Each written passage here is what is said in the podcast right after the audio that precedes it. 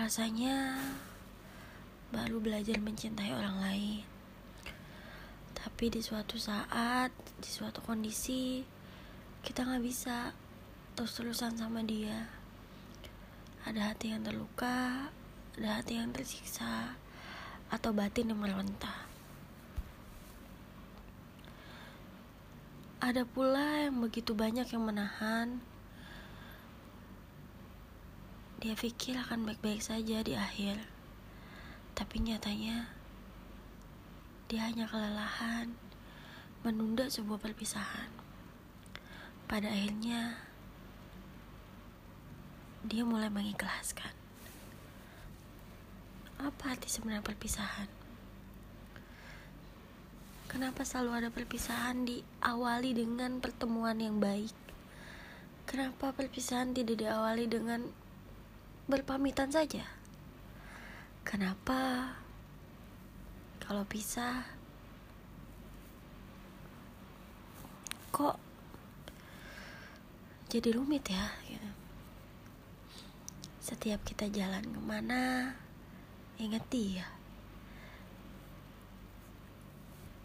Kita tahu baju kesukaannya, makanan, film, lagu, terngiang-ngiang di kepala. Satu, dua, tiga, tujuh hari. Sebulan, dua bulan, sampai setahun. Rasa sakit dalam sebuah proses kehilangan itu bermacam-macam. Ada yang trauma sampai akhirnya tidak ingin belajar mencintai lagi, ada yang mulai membuka hati, atau mungkin dia berusaha memantaskan diri. Entah apa pun yang dilakukan orang-orang, pasti berbeda denganmu, denganku, dan yang lain. Semua proses untuk perpisahan itu menyakitkan. Dan yang paling membosankan adalah mendengarkan kata pisah dengan dengan alasan tak cocok. Hai. Kita memang sedang berada dalam fase perkenalan dalam jangka yang panjang. Kita adalah manusia dengan bentuk otak yang berbeda, penafsiran berbeda, bahkan pola pikir yang berbeda. Tapi kita adalah manusia. Mengapa tidak bisa belajar mentoleransi diri orang lain untuk belajar mencintai diri orang lain? Kenapa harus buang-buang waktu lalu bilang kita berpisah karena tidak cocok? Apakah di awal karena cocok atau karena saat pendekatan itu kalian sedang mencocok-cocokkan diri?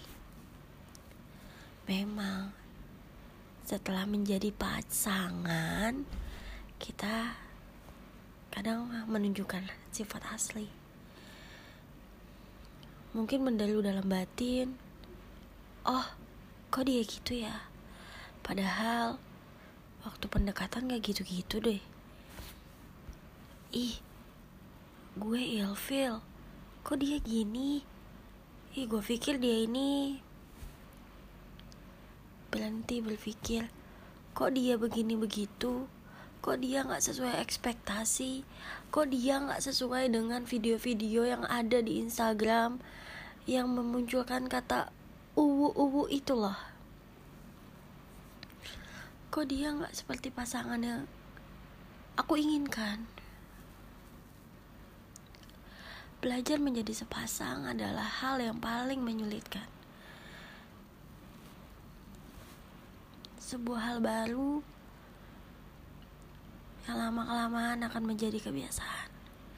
Namun, sebuah rintangan tidak berhenti saat kau menjadi pasangan.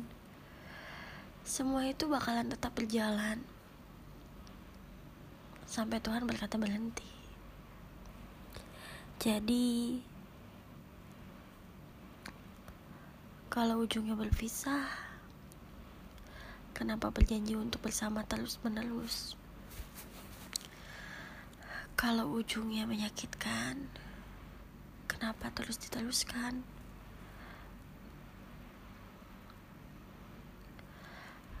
Kalau akhirnya tidak denganmu, apa yang harus aku lakukan?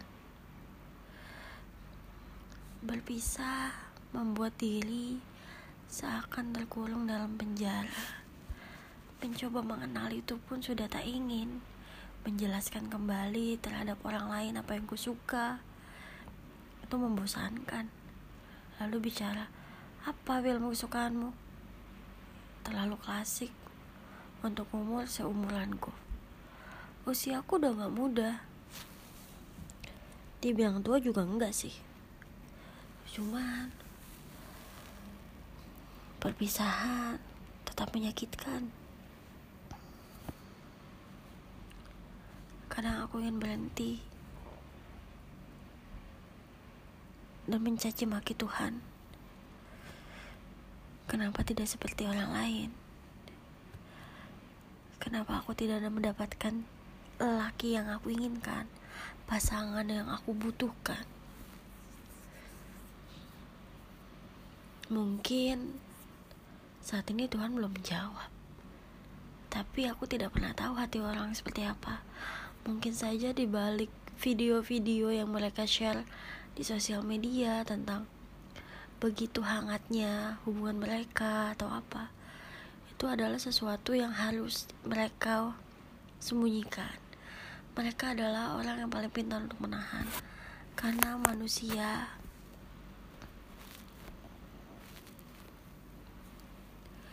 tidak akan sepenuhnya menampakkan dirinya yang sebenarnya.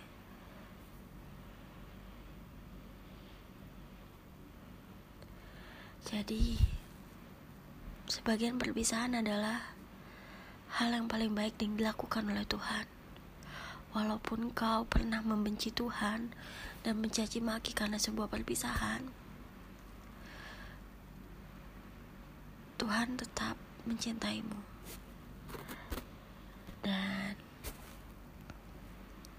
Ditinggalkan orang tua adalah hal yang paling menyakitkan.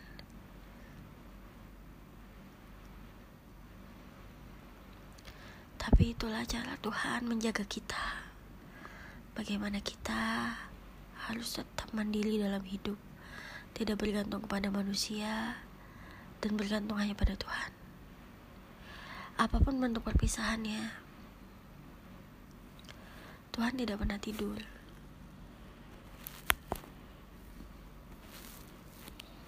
Tuhan selalu menjaga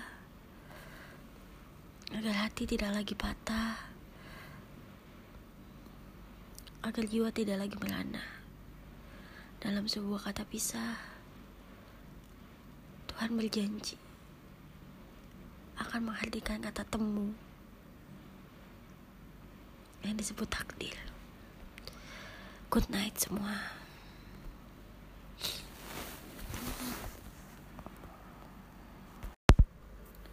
0239 18 Oktober 2020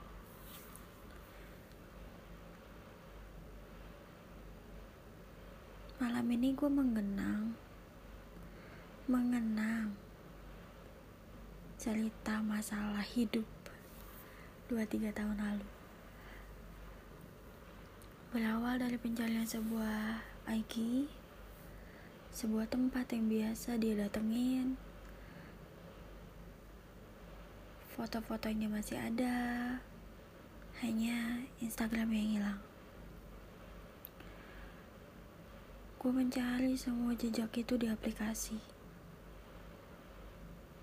Namun, gue terlalu pintar untuk menghapus semuanya, tapi terlalu bodoh untuk menjadi pendendam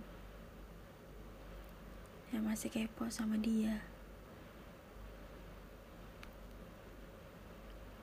Ingat, si Libra emang suka dendam. Gue emang ingat, tapi gak mau kembali. Gue udah punya seseorang sekarang.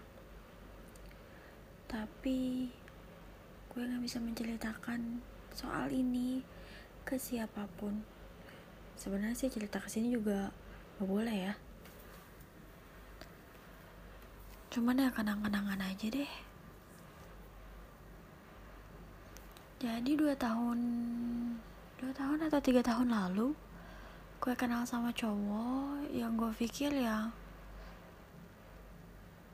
ah gue klik sama lo satu frekuensi langsung mikir nikah gitu emang gue childish banget ya dulu ya. Dan dia pun bilang meyakinkan seperti janji-janji marketing. Ternyata bohong. Kita awal kenal saling mengagumi chattingan tanpa henti saling memuji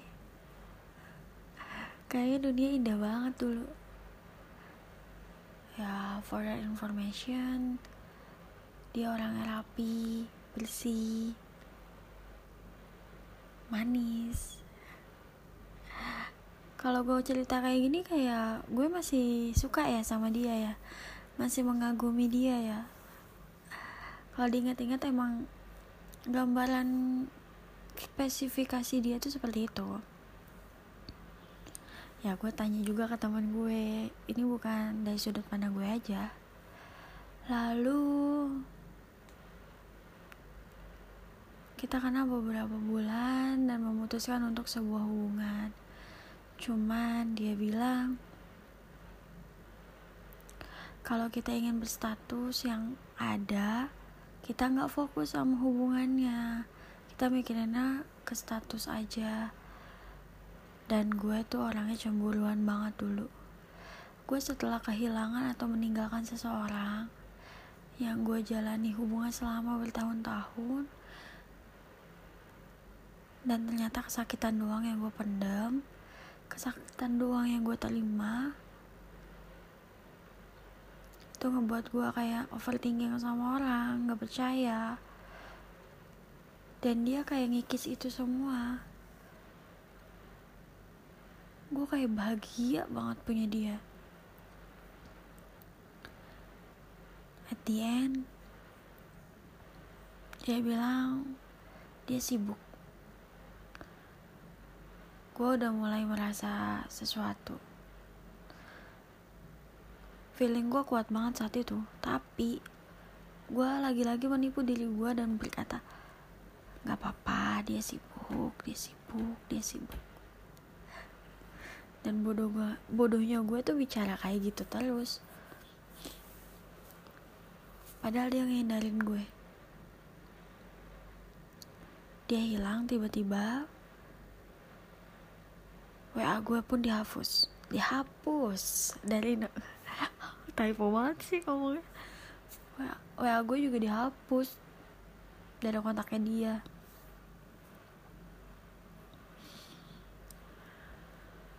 dan gue gak bisa ngedapetin itu semua. Itu serba dadakan serba tiba-tiba. Gue gak punya ancang-ancang untuk ngebenerin hati. Gue pikir hati gue sembuh. Ternyata dia malah bikin luka baru.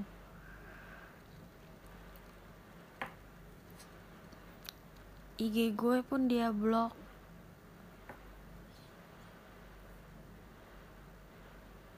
gue kosong saat itu. Gue jalan sama teman gue gue bahagia saat itu. Setelah gue pulang gue kosong.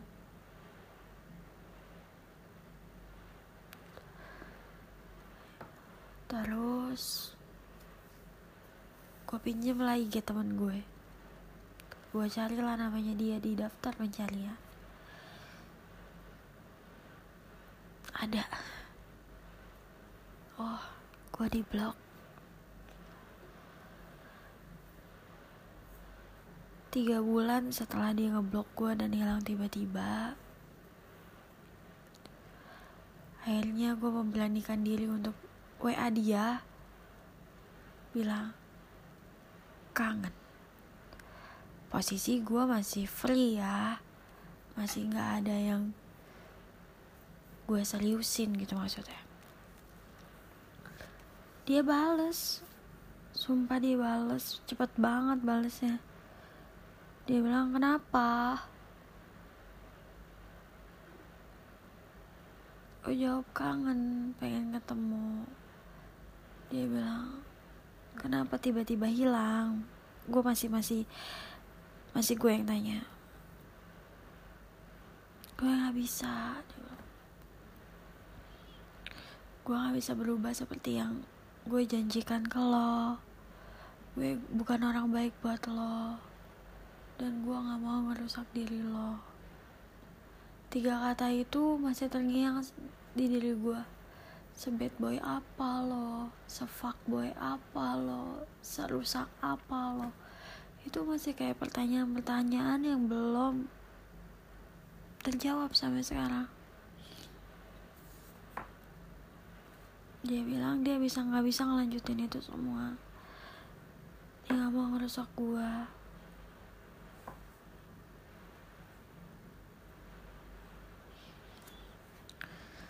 Sebenarnya jawaban itu gue udah tahu. Dia dulu yang bilang gue akan berusaha berubah untuk lo untuk hubungan ini gue akan menutup masa lalu gue dan gue percaya sama dia. Dan dia juga matain kepercayaan gue. Dia pergi. Setelah chattingan itu gue nyesek banget. Gue nangis sejadi-jadinya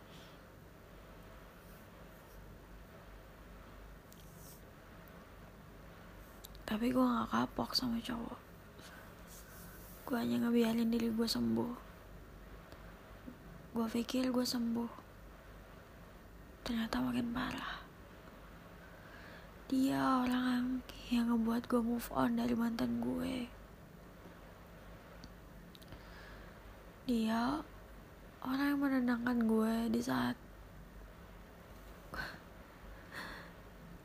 di saat hidup gue down dia. Orang yang selalu nyanyiin lagu akustik saat gue mau tidur.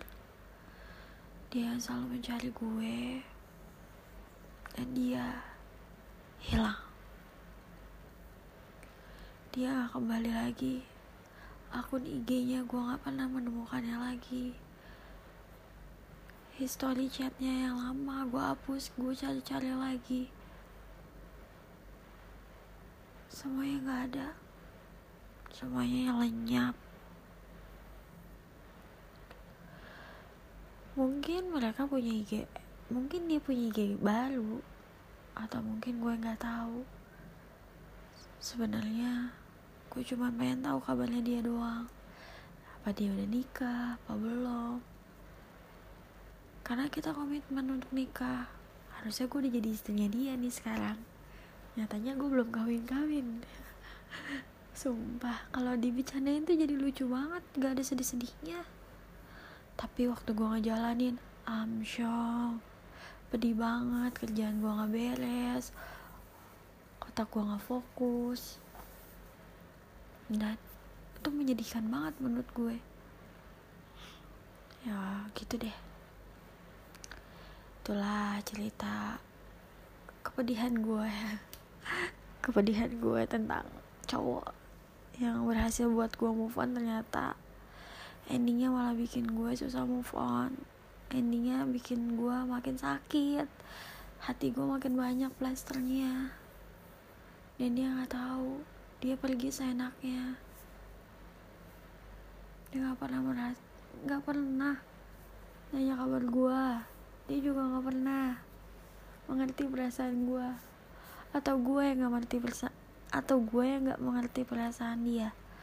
Entahlah pokoknya pedih lah. Wah udah lama deh kayaknya ceritanya. Sebenarnya ini tuh buat cerita-cerita lucu aja sih. Buat kayak gue pernah mengenang sesuatu gitu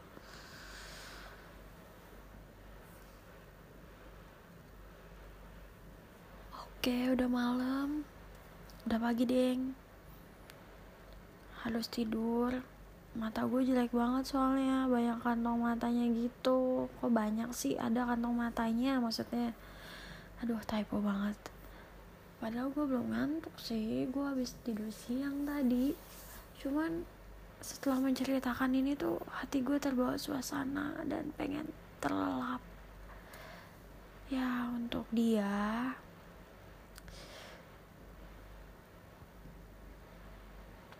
baik-baik, jaga makan, sehat selalu.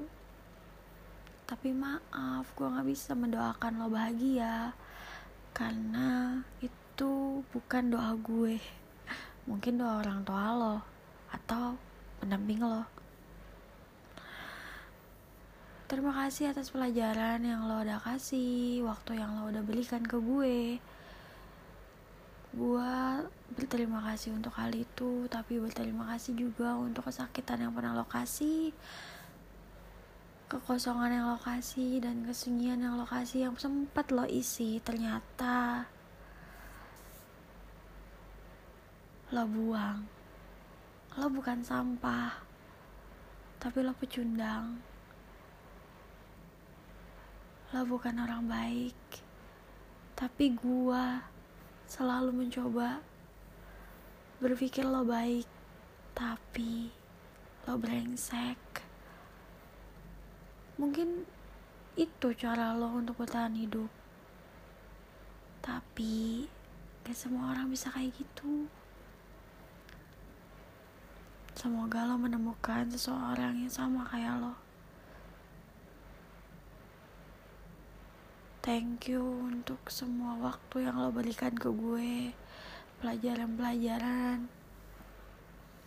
Tapi bertemu sama lo adalah pelajaran yang paling susah gue gue selesaikan.